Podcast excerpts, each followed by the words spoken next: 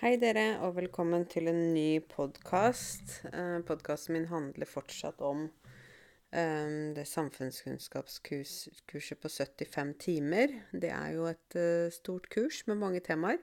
Eh, og etter hvert så er det jo flere av dere som må ta både kurset og prøven. Så jeg tenker at det kan være nyttig for dere å høre eh, litt på hva jeg har å si rundt eh, de temaene. Noe er ikke min mening, eh, det er bare generell informasjon, og noe er eh, fra mitt ståsted, mitt syn. Og, og da må dere huske på at eh, jeg er jo en person som mener noe, og som mener kanskje noen andre, andre ting. Men nå skal jeg også snakke om, eh, under det kapitlet familie, helse og hverdagsliv, under familieliv, for der er det jo mange viktige og store temaer å snakke om. Så får vi se hvor langt jeg kommer. Ehm, det er jo eh, Dette med familieliv generelt er jo så mangt. Altså, eh, hva er en familie egentlig? Hva er det som gjør at man kan kalle noen for en familie? Jeg vil jo si at eh, det ikke er ett svar på hva en familie er. En familie er mennesker som lever sammen, og det er forskjellige mennesker i forskjellige livssituasjoner, som er da ja, bor sammen eh, som foreldre og barn, f.eks. Det kan være besteforeldre, det kan være bonusforeldre, det kan være fosterbarn, fosterforeldre, samboere, eh, det kan være ektepar. Altså, et, en familie er så mangt. Det betyr at en familie er mye forskjellig. Um, I Norge så er det jo sånn at eh, 30% av par som bor sammen, er samboere. Eh, og 70% av parene som bor sammen, er gift. Um, og hvorfor er det så mange som er samboere, da? Hvorfor er det såpass vanlig? Det er jo fordi det er eh, Jeg tror først og fremst fordi det er sosialt akseptert. Det er eh, ikke noe som noen tenker at det er en dårlig ting å bo sammen og ha barn sammen uten å være gift. Um, og så bor vi også i et land der vi kanskje ikke passer like mye på hverandre. Altså den um, den derre sosiale, negative sosiale kontrollen, da, som vi ofte snakker om. Det at uh, folk i et miljø, ikke sant, snakker om hverandre og på en måte kontrollerer hverandre, og du gjør sånn, og jeg gjør sånn, og Ikke sant? Det er mer sånn uh, Vi uh, lever familielivet vårt for oss selv, på godt og vondt. Selvfølgelig så er det jo ikke bare godt når når hver familie blir kanskje litt isolert, da. Men, men det er i hvert fall sånn at det å være samboere er, er helt sosialt akseptert. Da jeg var barn, så var ikke det så vanlig. Da var det mer vanlig at foreldrene var gift. Um, men nå så vil jeg si at det er, det er like vanlig for meg å høre at noen er samboer og har barn sammen, som å høre at noen er gift og har barn sammen. Jeg selv er gift. Og jeg Altså, jeg har jo blitt kalt litt gammeldags fordi at jeg ville være gift før jeg fikk barn. Noen sier ja, men Karense, du trenger jo ikke det. det er jo bare å, dere kan bare skrive en samboerkontrakt. Så har dere like rettigheter som et uh, gift par. Um, men for meg så handla det ikke bare om det juridiske, altså det som går på loven, da. Um, og rettigheter, men det, det var også noe som jeg syntes var litt fint, da. Å være gift før jeg fikk barn. Så det var, det var et sånt prinsipp jeg hadde, og mannen min hadde det samme prinsippet. Men som dere hører, så har jeg blitt kalt gammeldags av noen venner av meg som synes ja, men du trenger jo ikke være gift. Um, og så er det sånn Hvorfor er det en del som velger å ikke gifte seg, men å leve sammen? Og det handler vel også om at uh, det er dyrt å gifte seg. Det koster mye penger.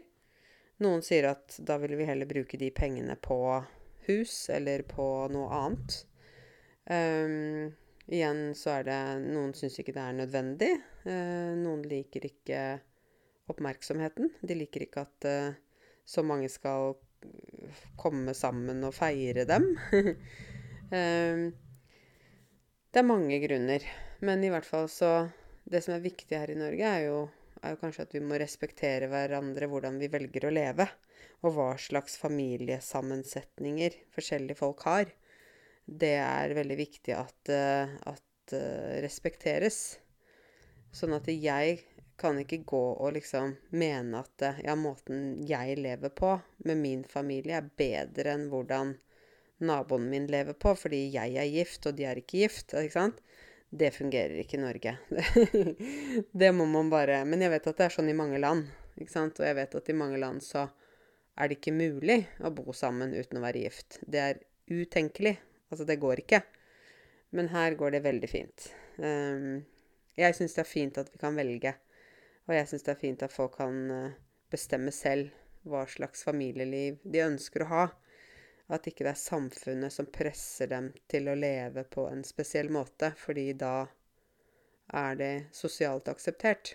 Og det er min mening, da. Men nå er jo jeg norsk, så jeg er kanskje, kanskje litt ikke, ikke, den beste til å snakke helt sånn nøytralt om det. Eh, gjennomsnittsalderen for å gifte seg første gang er mellom 30 og 40 år, både for menn og kvinner. Jeg selv var Uh, skal vi se, jeg var 36 da jeg gifta meg. Um, ja, så det var jo akkurat med statistikken, det.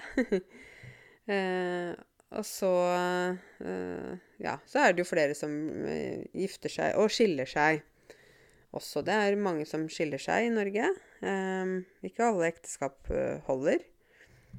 Og det er jo igjen, tror jeg, fordi um, folk her er jo veldig opptatt av at de har lyst til å leve liksom det livet som de virkelig ønsker. Og hvis de kjenner at uh, å være i dette ekteskapet, det, det, blir feil, det blir ikke det livet jeg har drømt om, eller ja, Det kan være veldig mange grunner til at man skiller seg. Både at man ikke passer sammen, uh, at det har skjedd noe i ekteskapet, at man ikke har følelser for hverandre lenger.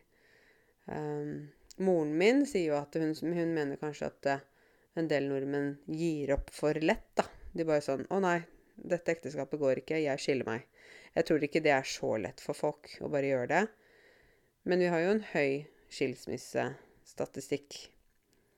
Um, kontra andre land hvor man har veldig få skilsmisser. Men igjen, da Da er jo spørsmålet er det få skilsmisser fordi folk ikke får lov? Eller fordi det ikke er sosialt akseptert? Eller er det få skilsmisser fordi folk ikke vil skille seg, for de er så veldig fornøyd i ekteskapet? ja, så det er jo sånne spørsmål da, som man kan jo tenke litt over. Uh, men uansett hvordan man velger å leve sammen som familie, så, så er det viktig at vi respekterer valgene eh, til hverandre. Sånn at hvis f.eks. det er noen foreldre i barnehagen uh, til datteren min som har en annen familiekonstellasjon enn min familie er, da må jeg respektere det. Uh, vi har jo kvinner og menn som bor sammen. Vi har to menn som bor sammen, som er homofile. Vi har kvin to kvinner som bor sammen, og er da ikke venner, men de er kjærester eller de er ektefeller. De er gift. Um, ikke sant? Um, vi har uh, foreldre som har adoptert barn. Vi har uh, foreldre som er fosterforeldre, som har barn i huset sitt som ikke er deres biologiske barn, men barn de har tatt inn for å hjelpe.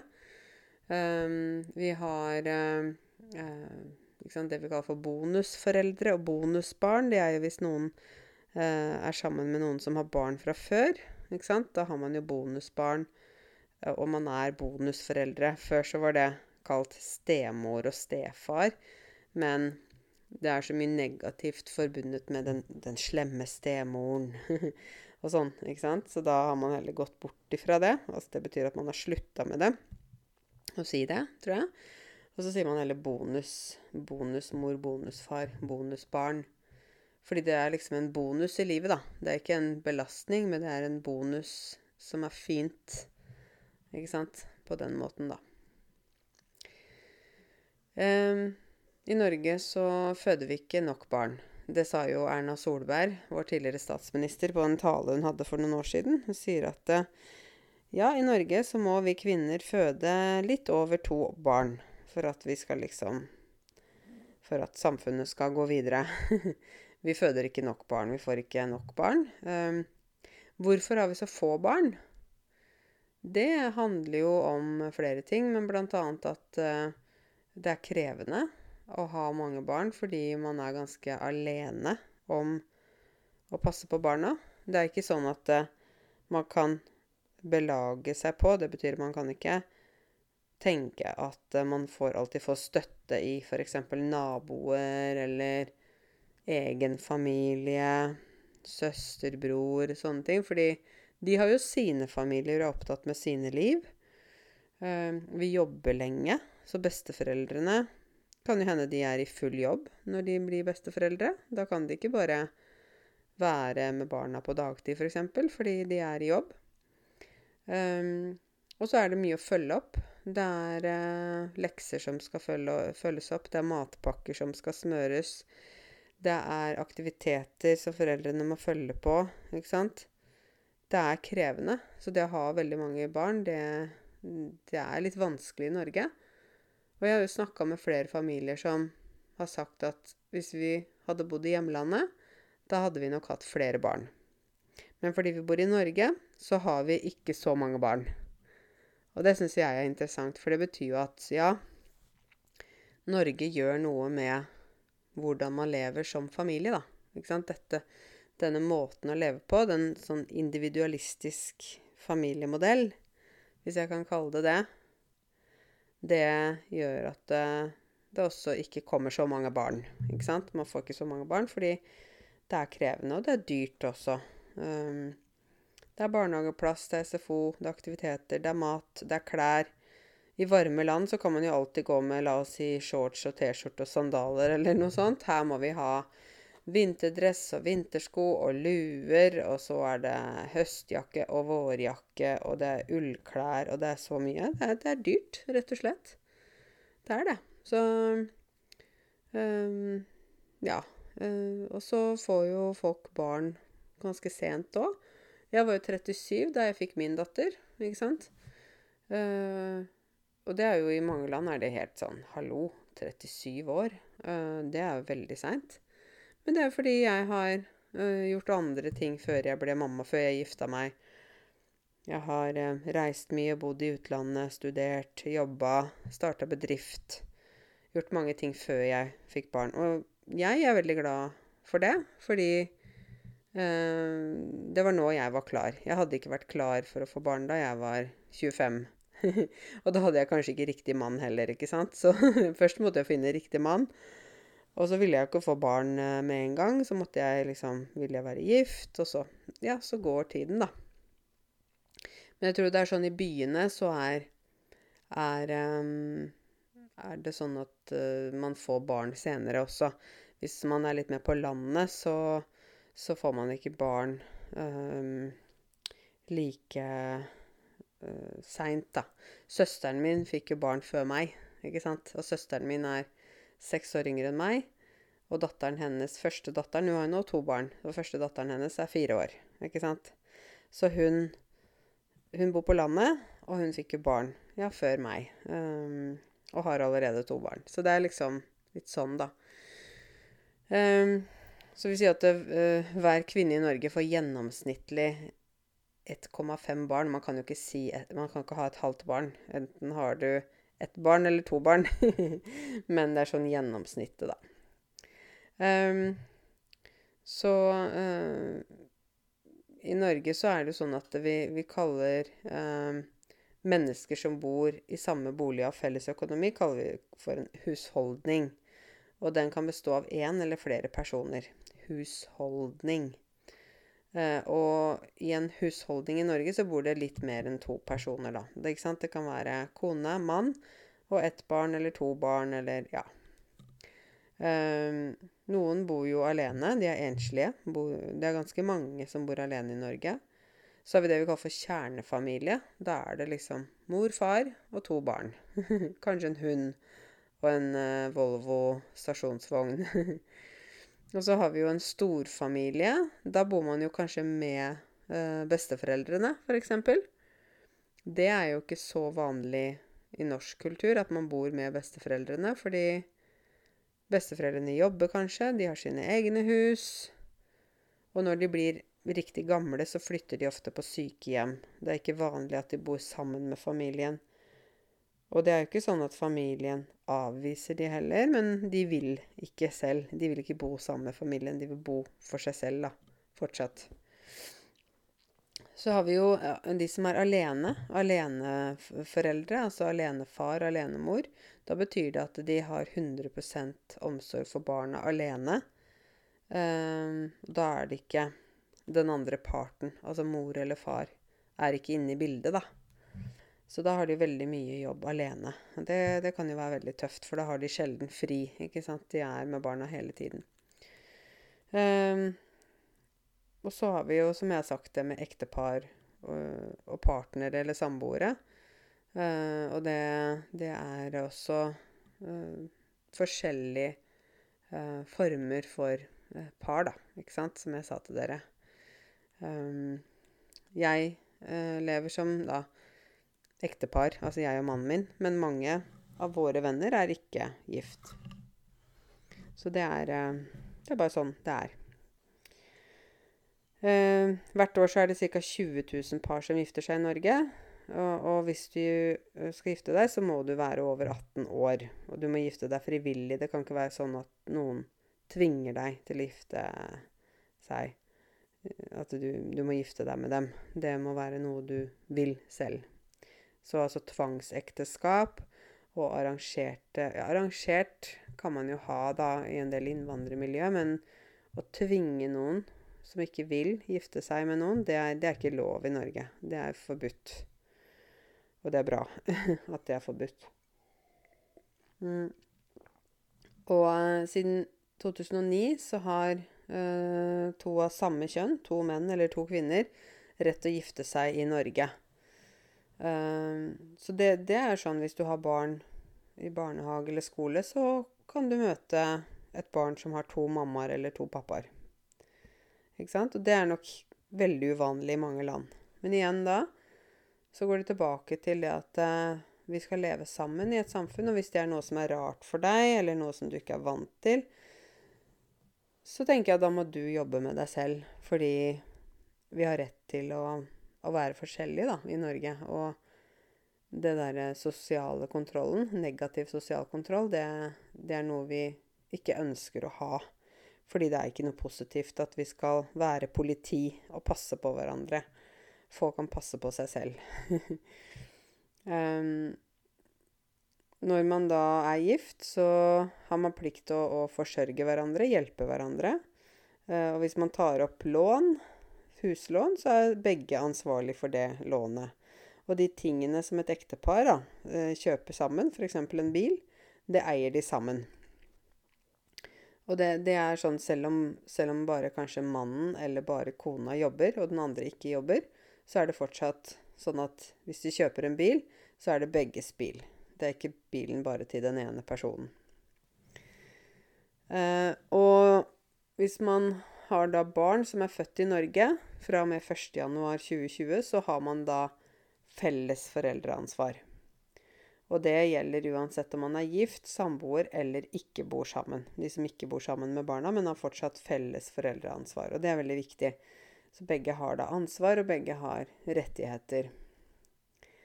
Uh, jeg snakka jo litt om det med skilsmisse, uh, og vi har jo en trist statistikk på det.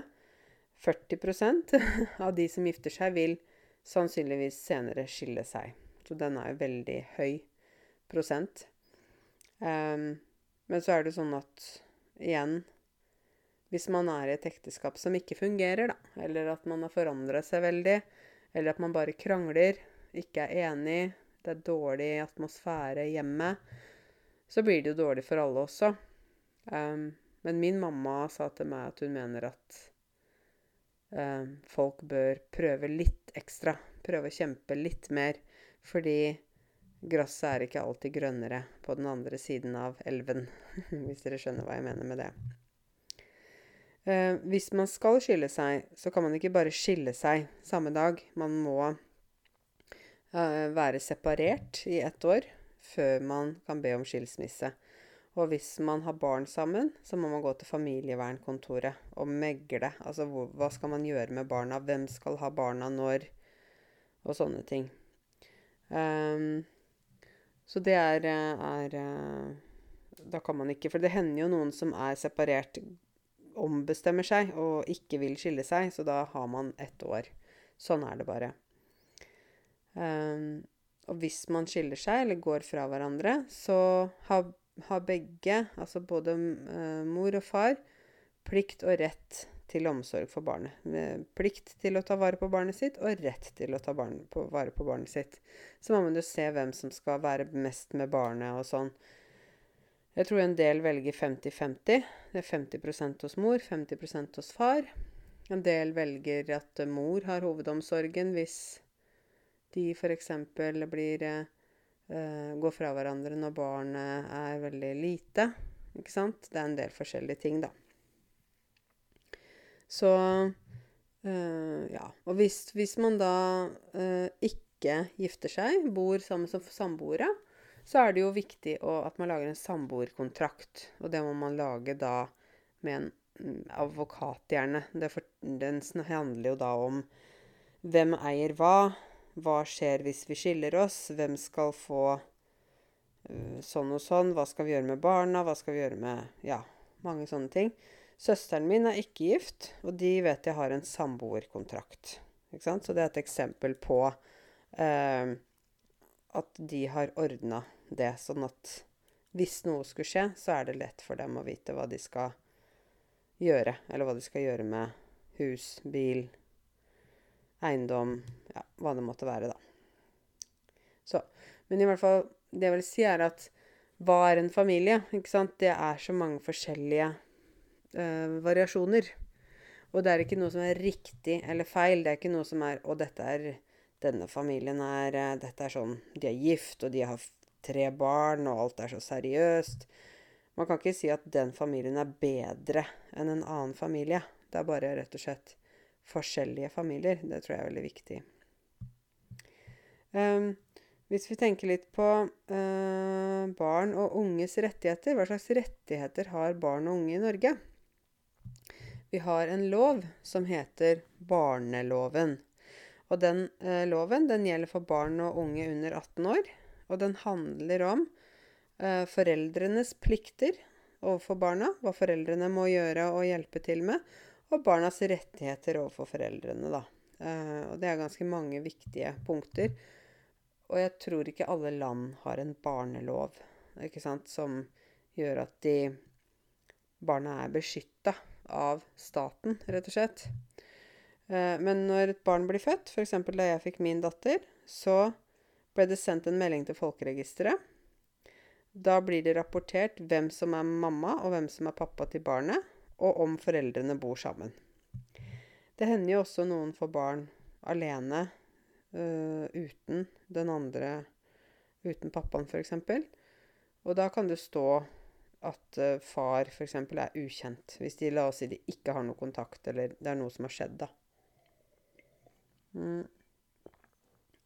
Det som er minimumskrav for foreldrene, er jo at barna må Passe på at barna får mat. Eh, de må få klær. De må få andre ting som er nødvendig eh, for å få et godt liv. De må passe på dem, vaske dem, stelle dem.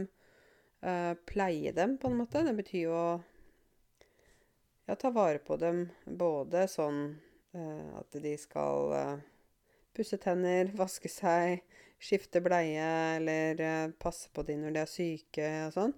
Men også det emosjonelle, at de skal passe på dem og ta vare på dem og gi dem god omsorg.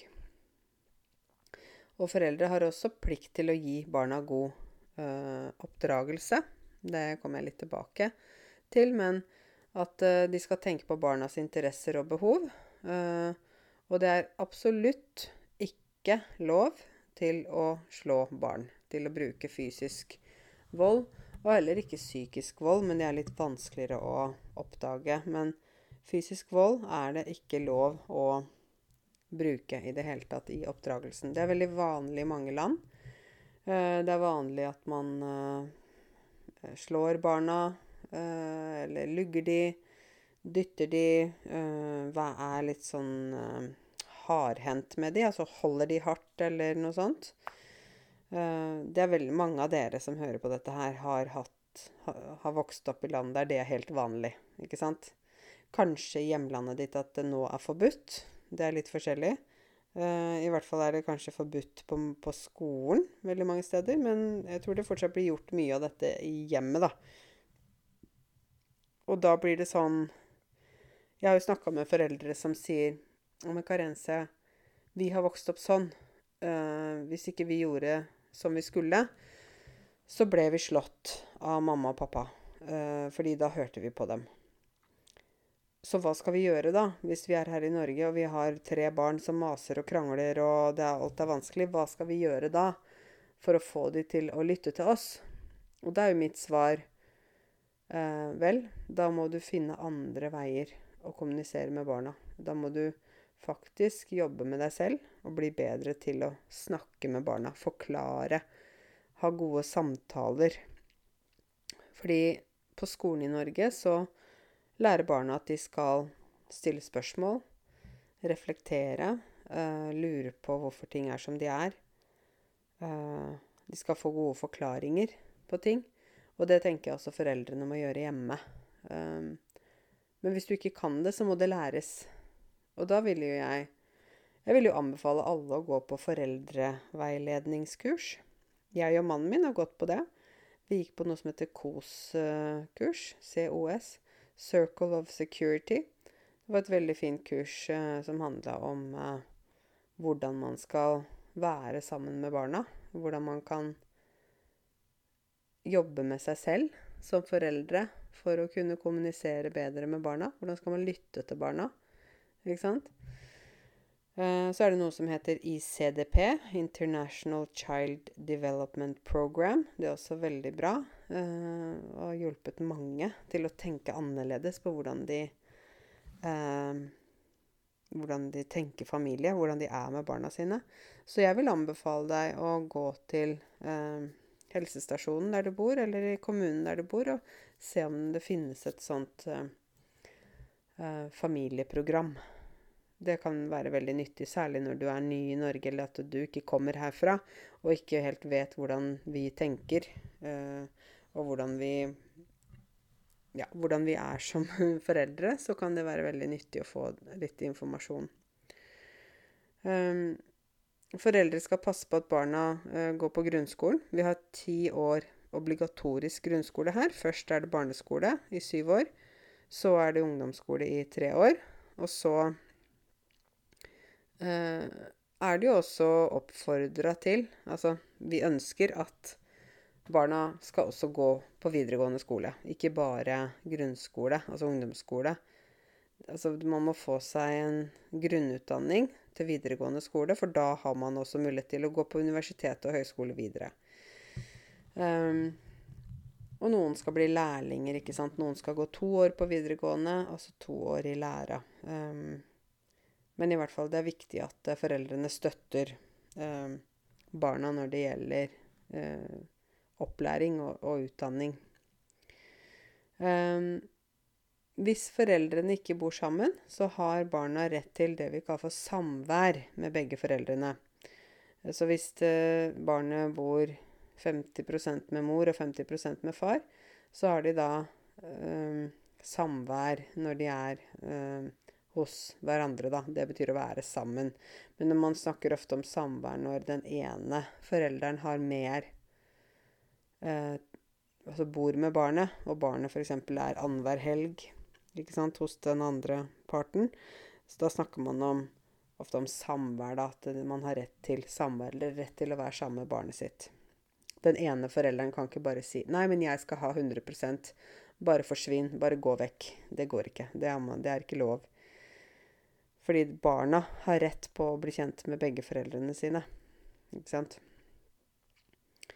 Um, og foreldrene må jo ta avgjørelser, uh, bestemme ting, når barnet ikke kan bestemme selv.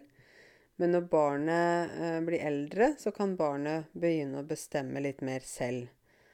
Uh, så f.eks. et barn som er syv år, kan si meningen sin om, om noe som gjelder de selv. F.eks. om de vil gå på en aktivitet eller ikke gå på en aktivitet.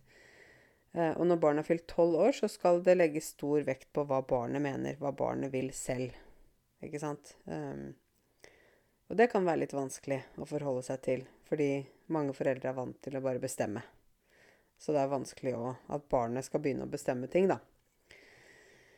Uh, og barn som er fylt 15 år, da er de jo ungdommer, de skal uh, få lov til å avgjøre, bestemme ting som handler om utdanning, og melde seg inn og ut av organisasjoner og sånne type ting. I Norge så har vi da en myndighetsalder som er på 18 år. Og det betyr at når man er 18 år, så er man da uh, regnet som voksen. Og man er myndig, heter det. Og da kan man gå inngå avtaler, juridiske avtaler, ha kontroll på egne penger, uh, stemme ved valg, ikke sant, politiske valg. Foreldrene har ikke lenger ansvar på samme måte.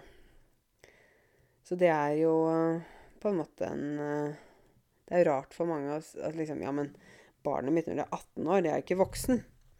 Nei, men per lov i Norge så er det barnet regnet som voksen. De bor jo kanskje ofte hjemme ett og to år til, men øh, de er voksne. De kan få førerkort, f.eks. De kan kjøpe øl og vin øl på butikken Vin på Vinmonopolet. Så de, de, har en del rettigheter da, når de blir 18 år. Og dere, et vanskelig tema. det er jo barneoppdragelse. Hvordan skal vi oppdra barna våre? Hva er det som er eh, den riktige barneoppdragelsen? Jeg tror her er det ikke et riktig svar. Og det er ikke et svar som passer alle barn og alle familier. Overhodet ikke. Fordi familier er forskjellige, barna er forskjellige.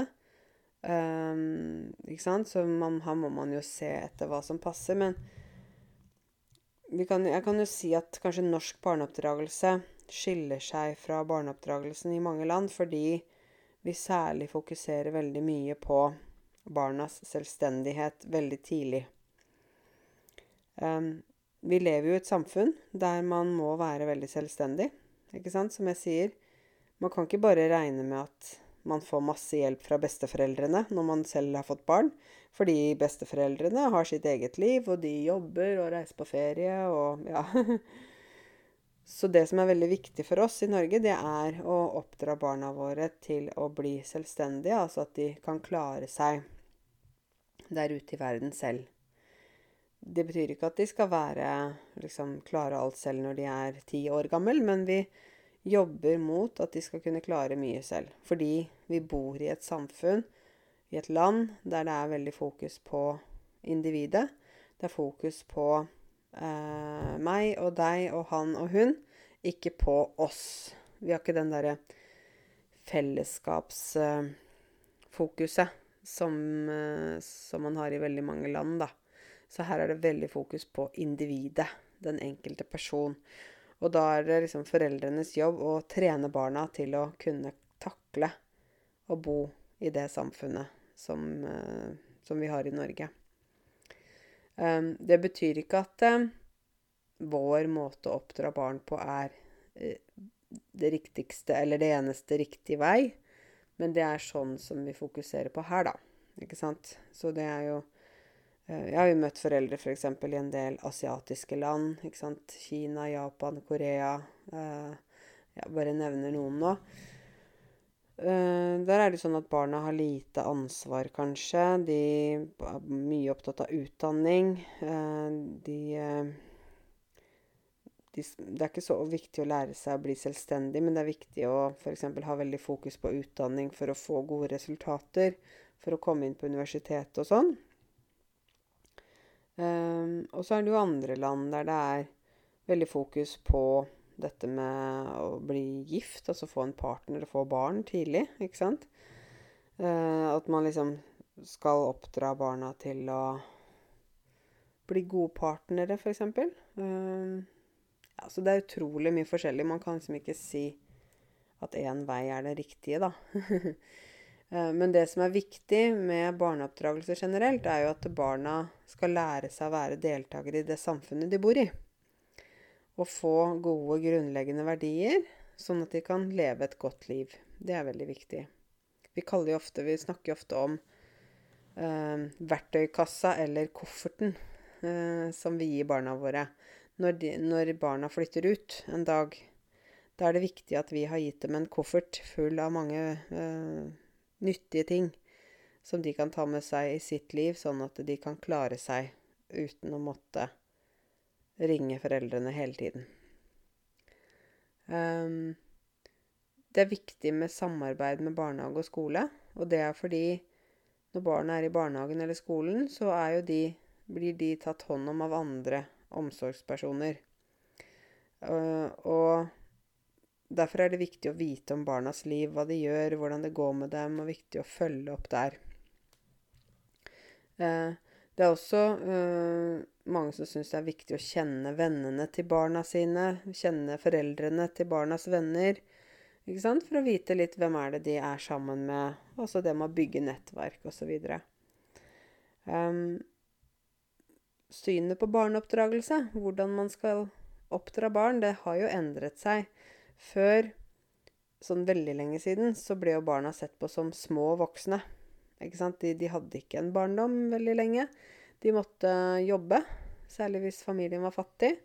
Mens så har, eh, har det blitt annerledes etter hvert. Eh, der eh, Nå er det jo fokus på at barn er barn. ikke sant? Barn er jo ikke voksne. Sånn at det er jo også noe som er det var bare Bahia som la seg på gulvet, hvis dere hørte noe lyd. um, barna er barn, og barn må få lov til å være barn.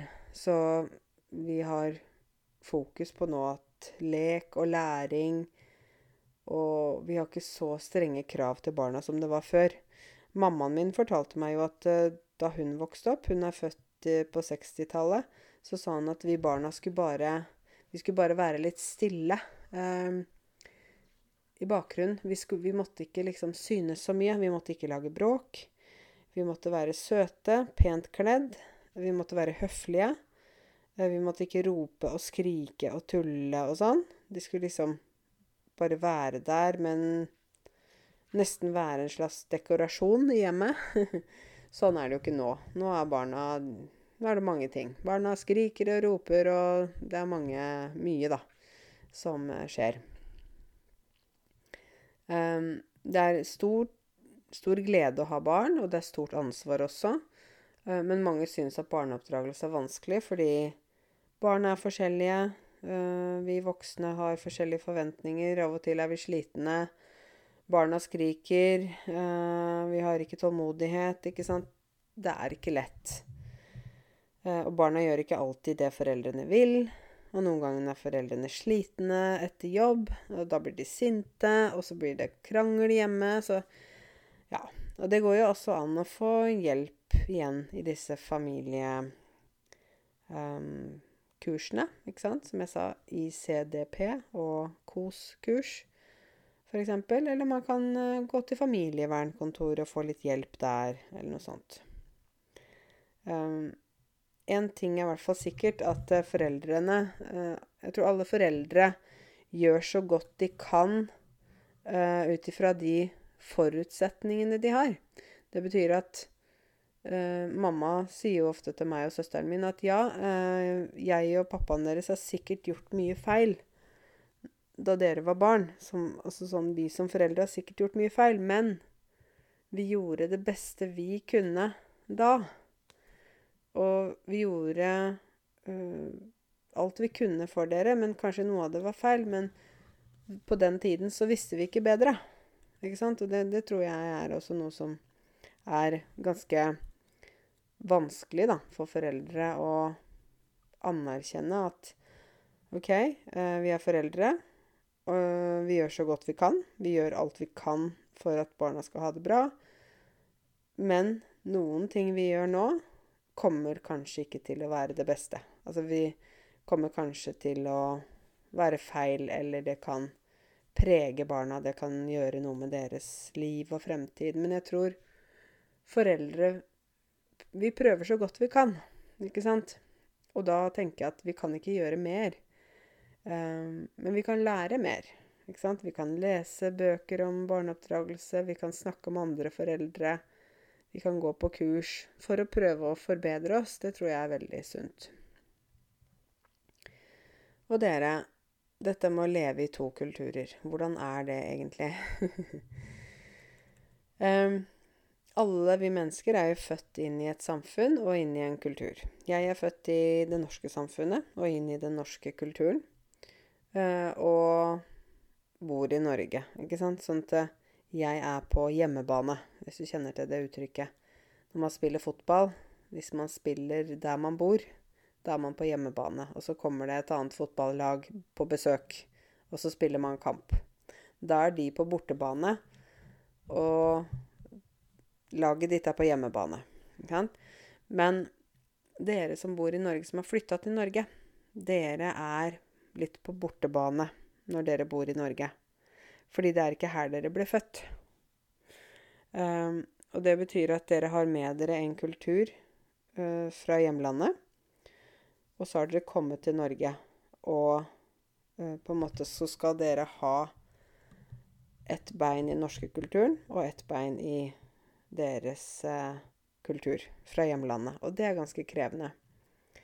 Um, I kulturen som vi er født inn i, så lærer vi hvordan vi skal leve sammen. Og hvor, hva som er riktig, og hva som er galt. Og, og hvordan vi skal forholde oss til andre mennesker i samfunnet der vi bor. Og barna de lærer av foreldrene, og de lærer også av samfunnet rundt seg.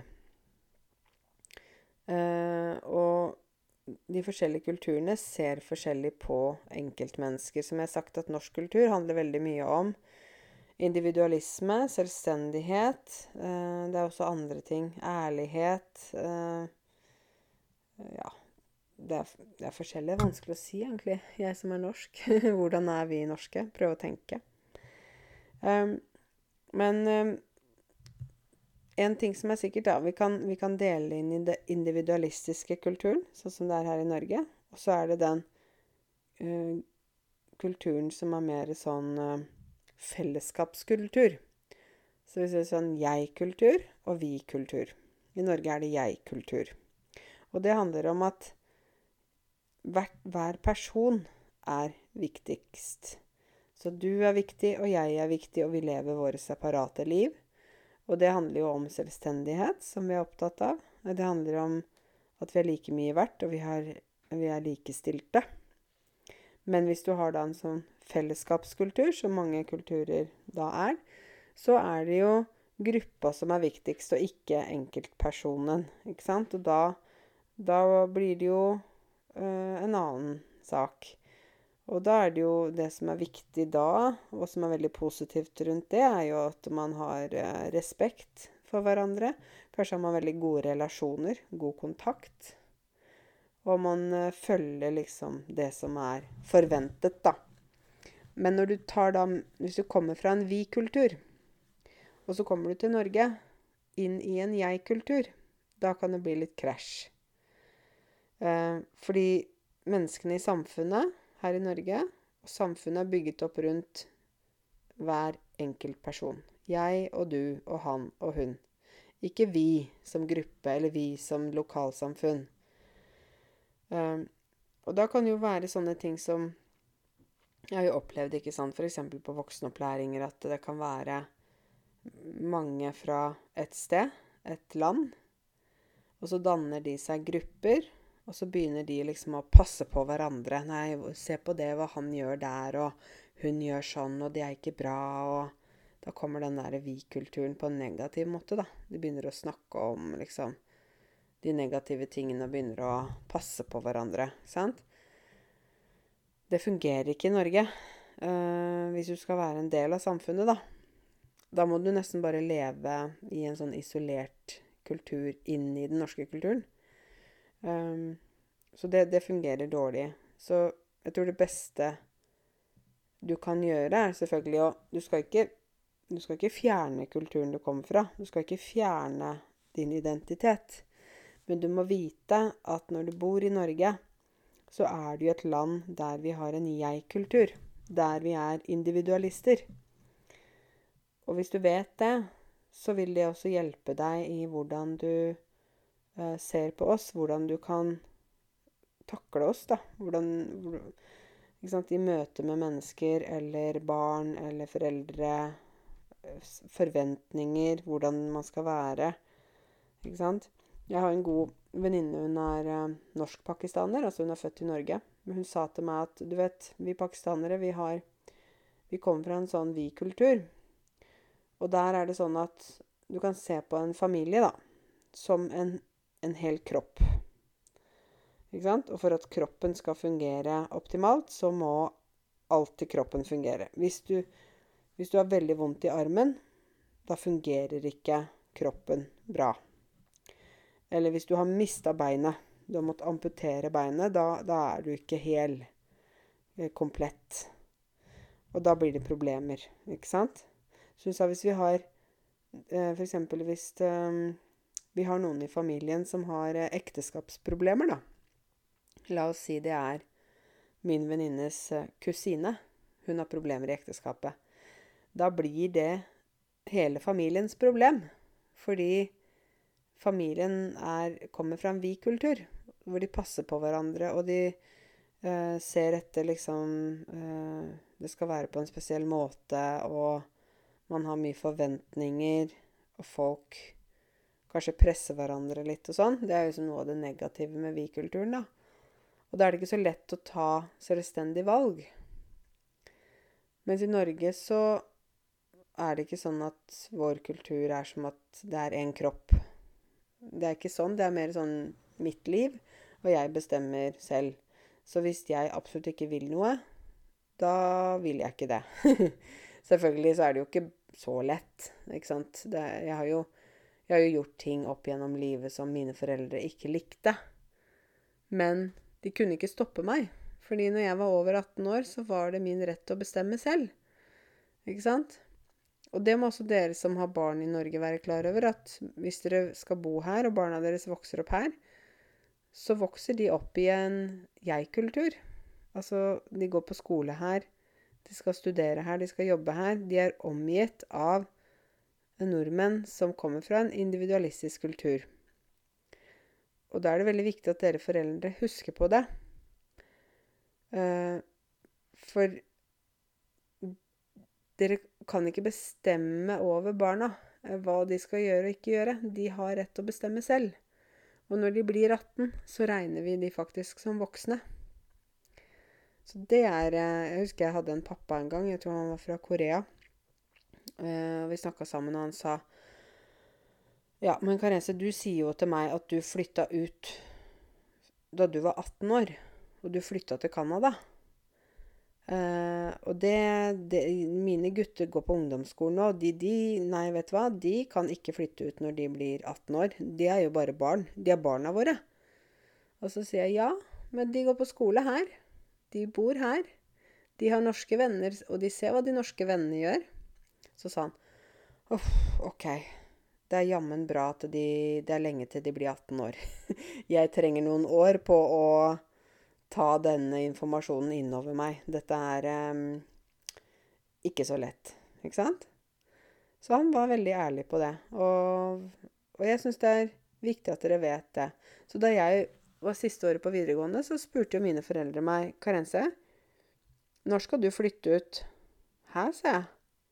Ja, hva skal du gjøre etter videregående? Nå er det siste året på videregående. Etter det, da er det ikke noe mer å gjøre her i Åmot. Hva, hva skal du gjøre da? Hvor skal du gå?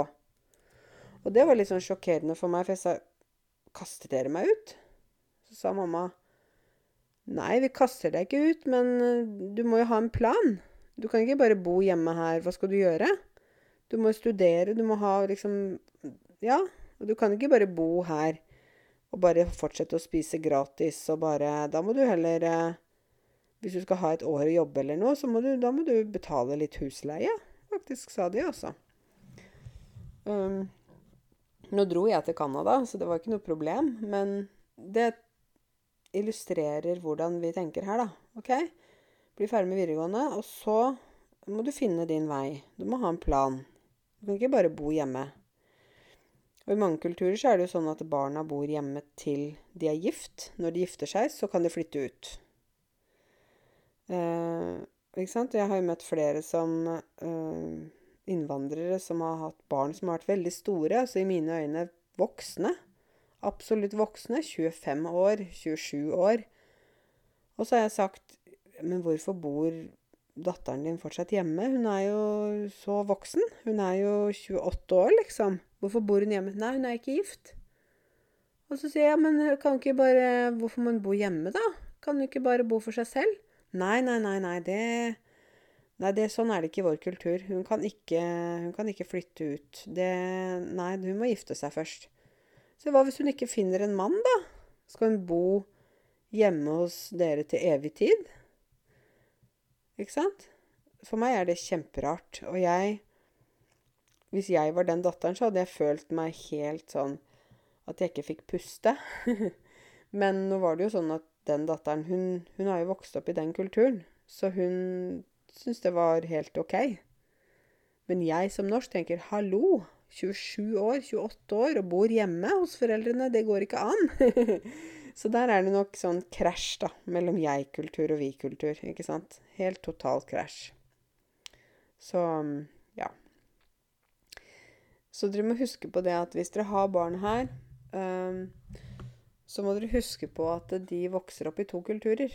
De vokser opp med en kultur hjemme, deres kultur, den kulturen som dere har gitt barna deres. Og så vokser de også opp med en kultur der ute. Når de er på skolen, når de er i barnehagen, når de blir kjent med andre venner. Og det er ikke lett for barna. De, de har forventninger hjemmefra, og så har de forventninger ute i samfunnet. Så de blir dratt mellom uh, to forskjellige kulturer. Norsk kultur og kulturen fra hjemlandet deres. Så du kan ikke tenke at barna dine vokser opp i hjemlandet ditt, ikke sant? For de gjør ikke det hvis de bor her. Og da kan du heller ikke forvente alt som du kanskje hadde forventet hvis dere bodde i hjemlandet. Um, ja, så det, det, er noe jeg syns er, er, viktig. Viktig å tenke på, og viktig å reflektere rundt. Um, fordi det er annerledes å vokse opp i Norge enn å vokse opp i, i mange andre land. Jeg skal gå inn på et tema nå til slutt som er eh, betent. Det at et tema er betent, det betyr Du vet hvis du har en betennelse, f.eks. i huden, at du får sånn uh, Du har en kvise, sånn gult, i huden din. Sånn som når du er sånn 14-15 år, så klemmer du på den. Det er kvise. Det er betent. Det er betennelse i huden. Så hvis det er et betent tema, da er det et tema som uh, er litt vanskelig. Jeg syns ikke det er vanskelig å snakke om det, men jeg vet det er vanskelig å høre om det, kanskje, for mange av dere. Og så har mange av dere allerede hørt mye fra andre om dette temaet, og temaet er barnevernet. Barnevernet Noen sier 'nei, barnevernet kommer og tar barna dine'. Barnevernet er veldig dårlig. De tar barna dine med en gang. Um, hvis du får melding fra barnevernet, da må du bare flytte hjem til hjemlandet. ikke sant? Det er mange som, sånn, sånne type diskusjoner som går mellom mange grupper, da. Innvandrergrupper. Og vel, um, det er ikke sånn at barnevernet med det første kommer og tar barn. Det stemmer ikke. Barnevernet henter ut barn i familier der barna ikke har det bra det er Altså barnevernet, det ordet betyr Vern betyr beskyttelse. Det, barnevernet er beskyttelse for barn.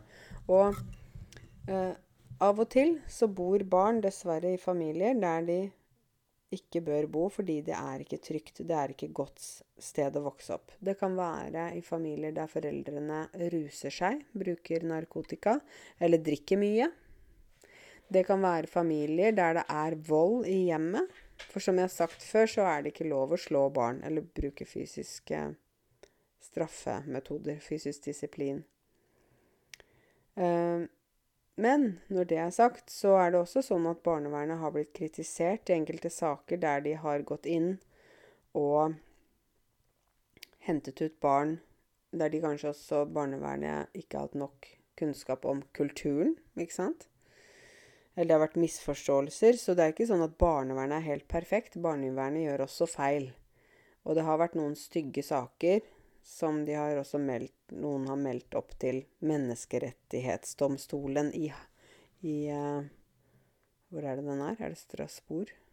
Eller Haag? Ja. Samme det. Men i hvert fall Så jeg, jeg, er, ikke noe, jeg er ikke en advokat for uh, barnevernet. Men jeg vil gjerne bare fortelle dere litt hva barnevernet er. Fordi det er, det er komplekst. Det er ikke bare de kommer og tar barna dine ferdig. um, som jeg har sagt, så er det foreldrenes ansvar å gi omsorg til barna og oppdragelse. Men så kan det være i perioder at noen foreldre har behov for hjelp i kortere eller lengre perioder. Det kan være en vanskelig livssituasjon, f.eks. Og da kan barnevernet hjelpe familier. Så barnevernet kan også hjelpe familier. Det er ikke bare en trussel. Og det er barnevernkontorer i alle norske kommuner. Jeg hadde en venninne en gang. Hun var alene med to barn. Hun hadde liksom aldri fri, og hun hadde ikke noe nettverk i Oslo til å spørre om barnevakt. Så hun hadde avlastning, jeg tror det var hver tredje helg, der hennes barn var hos uh, noen familier uh, som uh, hadde, hadde dem hjemme i helgen. og gjorde hyggelige ting sammen med barna og sånn. Og så fikk da mammaen et lite pusterom. Da var det faktisk barnevernet som var inne i, i, i hennes familie, da. Um, og barnevernets historie er jo lang. Den startet på 1800-tallet. Men poenget var da å hjelpe barn i sårbare, vanskelige livssituasjoner, og barn som har ekstra behov for hjelp og beskyttelse. Um, hvis du tenker på hjemlandet ditt, har du barnevern der du kommer fra? Ikke sant? Vi har det, men finnes det i ditt hjemland? For noen sier sånn Nei, vi har ikke det der, og vi er veldig glad for det. Ja, men hva med familier der det f.eks. er mye alkohol? Ikke sant? Eller mye fysisk vold. Hvis det ikke fins et barnevern, hva skal skje med de barna da? Da er det ingen instans, ingen hjelp. Da er de bare det vi kaller for prisgitt sine foreldre. Hvis de har gode foreldre, god familie, ja, det var bra for dem. De var heldige. Men hvis de er i en sånn type familie Oi, det var synd for dem. De var ikke heldige. Så vi vil ikke at, at, vi skal ha et sånt samfunn der man må liksom ha flaks. Man må være heldig eh, hvis man eh, skal ha det bra. Vi vil heller at det skal være andre alternativer til barn som lever i familier som, der det er veldig dårlige forhold. For at de barna skal få en god fremtid, ikke sant? Det er ikke bra for et barn å bo sammen med foreldre som bruker narkotika, f.eks. Tar sprøyter, tar stoff. Heroin, ecstasy, hasj. Det er ikke bra for et barn å bo sammen med de foreldrene. Ikke sant? Og da er det veldig bra at barnevernet kan øh, finne et annet hjem til, til, de barna. Jeg tror alle dere som hører på, er enige med meg i det jeg tror ikke det er noen som vil si nei, de må bo sammen med foreldrene sine selv om de bruker eh, eh, narkotiske stoffer. Jeg tror ingen ville si ja, det må de gjøre. ikke sant? Men så er det jo hele apparatet rundt da, hvordan ting fungerer. Men barnevernet skal sørge for at barn og unge får en trygg oppvekst. Barnevernet er da en beskyttelse for barna. Barnevern, vern, beskyttelse. Uh, og når det er noen som har det vanskelig hjemme, så skal barnevernet gi hjelp. Uh, men det handler ikke alltid om å gå og ta barna. Det handler om å kanskje hjelpe til med enkelte ting i perioder. De har jo noen hjelpetiltak, f.eks. veiledning, avlastning, støttekontakt. Og foreldre kan selv be om de tjenestene. Foreldre kan selv be om hjelp. Og det at man ber om hjelp, betyr ikke at man er en dårlig mor eller far. Men det betyr at man faktisk også har omsorg for seg selv og for barna. Fordi det kan være ting man ikke klarer selv. Sånn som den venninna mi som var alenemor med to små barn. Hun ringte selv til barnevernet og sa, 'Vet du hva, jeg er så sliten. Jeg trenger hjelp. Jeg trenger avlastning. Jeg, jeg får aldri fri.' Og da fikk hun hver tredje helg. Da kunne hun lage noen planer eller uh, sånn, fordi de barna var da hos noen familier som var kanskje sånn avlastningsfamilie for dem. Og det var bra for barna, bra for eh, hun venninna mi. Um, det har blitt mer og mer vanlig nå, og jeg håper det blir mer og mer av det, at uh, hvis et barn blir hentet ut av en familie, så er det fokus på Men det må bli mer, da, syns jeg. At uh, hvis, så langt man kan, så skal det barnet plasseres i en familie som har samme kulturell bakgrunn. Og samme religion. Det er jo det beste. Hvis man har uh, sånne familier mm, under barnevernet som er sånn hjelpefamilier, eller fosterfamilier eller noe sånt. At det faktisk er familier der man kan Hvis man, la oss si man kommer fra Opprinnelig fra Ja, hvis jeg sier det er en familie som kommer fra Somalia opprinnelig, så er det jo bedre hvis det er et barn som blir hentet ut. Så er det bedre at det barnet kommer til en annen somalsk familie, og ikke kanskje en norsk familie som ikke forstår kulturen og religionene og tradisjonene og sånn. Så jeg håper at også flere innvandrerfamilier etter hvert blir fosterhjem. Ikke sant? Fordi da, da tror jeg det er mye bedre for de barna. Kan de fortsette å snakke morsmål. De kan spise kanskje samme mat som de er vant til. Det er mer kjent for dem. Og hvis de da kommer rett til en norsk familie, så blir det jo veldig ukjent for dem igjen. Um, alle som jobber i barnevernet, har taushetsplikt. Og taushetsplikt betyr at man ikke får lov til å si ting videre. Altså, de, de kan ikke gå rundt og sladre. Fortelle ting til andre. Uh, og alle som jobber med barn, har en plikt til å melde til barnevernet hvis de f.eks. har mistanke om vold i familien. Jeg som lærer, som har jobba på skole eh, med barn, eh, jeg har opplevd at noen barn som jeg har hatt i klasser, har blitt mishandla hjemme. Altså de har blitt slått. Eller de har ikke blitt passa på godt nok. Jeg husker det var en jente en gang. Der var moren Moren var snill, men hun var eh, veldig dypt deprimert. Hun var alene med datteren sin. Og det gjorde at hun ikke klarte å ta vare på henne. Ikke sant? Hun var veldig, jenta var veldig mye alene. Hun stelte seg selv, pussa tennene selv, eh, dusja av og til. Ikke sant? Men hun kunne komme på skolen, og det kunne lukte vondt av henne fordi moren også bare lå på sofaen og var veldig deprimert. Eh, hun lagde seg mat selv. Hun lagde matpakke selv, husker jeg. Jeg så matboksen hennes en gang. Det var sånne kjempetjukke brødskiver. Eh, så sa jeg 'Hvem er det som har smurt matpakka di?' 'Nei, jeg, jeg gjorde det selv, fordi mamma var så sliten'. Og en gang fortalte hun meg at hun hadde gått til butikken, og jeg visste at hun bodde kanskje tre kilometer unna butikken, da, for å kjøpe brød og melk, ikke sant. Og i en sånn situasjon så var det ikke sånn at øh, hun skulle At skulle, barnevernet skulle komme og ta henne ut av øh, hjemmet. Men her trengte mammaen trengte hjelp, ikke sant. Og veiledning og behandling og kanskje psykolog og mange ting. Og da kom barnevernet inn i bildet, og, og det, de fikk det mye bedre, den familien. De fikk hjelp, for de trengte hjelp. Uh, og så har det vært andre veldig alvorlige situasjoner der jeg har sett barn som har blåmerker på kroppen, eller barn som har fortalt om ting, f.eks. at de har blitt seksuelt misbrukt, ikke sant? I sånne situasjoner, da, da blir barna henta.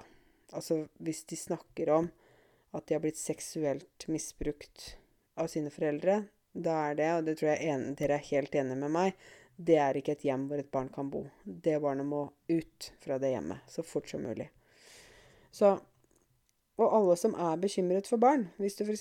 har en nabo, eller du hører mye bråk i leiligheten, eller det er et eller annet, så, så bør man melde fra til barnevernet.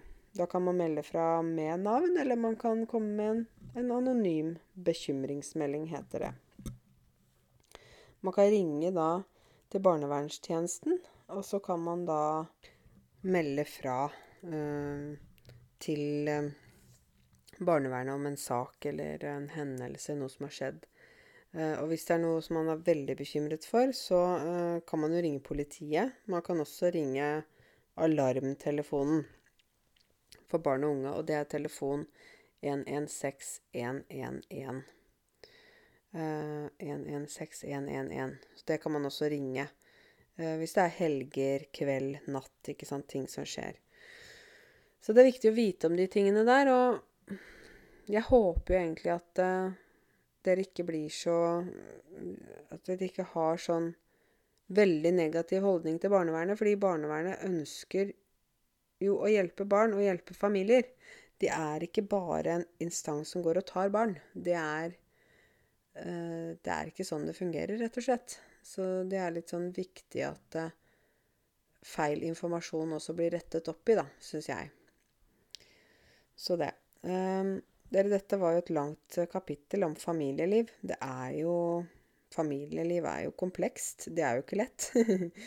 det å være familie, det å, å, prøve å oppdra barn og alt det der, det er komplekse greier. Vanskelige greier. Men igjen, vi foreldre vi gjør så godt vi kan, uh, og noe mer enn det kan vi ikke gjøre. Men igjen, vi kan også lære gå på kurs og bli bedre, men vi, vi gjør det vi kan ut ifra vårt perspektiv, da. Så dere, uh, dette var det kapitlet, eller den delen i kurset om familieliv. Så håper at dere har lært noe, og at det var nyttig. Og så dere som er foreldre, meld dere på foreldreveiledningskurs. Det er veldig nyttig. Jeg kan anbefale det. Jeg har tatt det selv. Takk for at du hørte på denne episoden, og vi snakkes.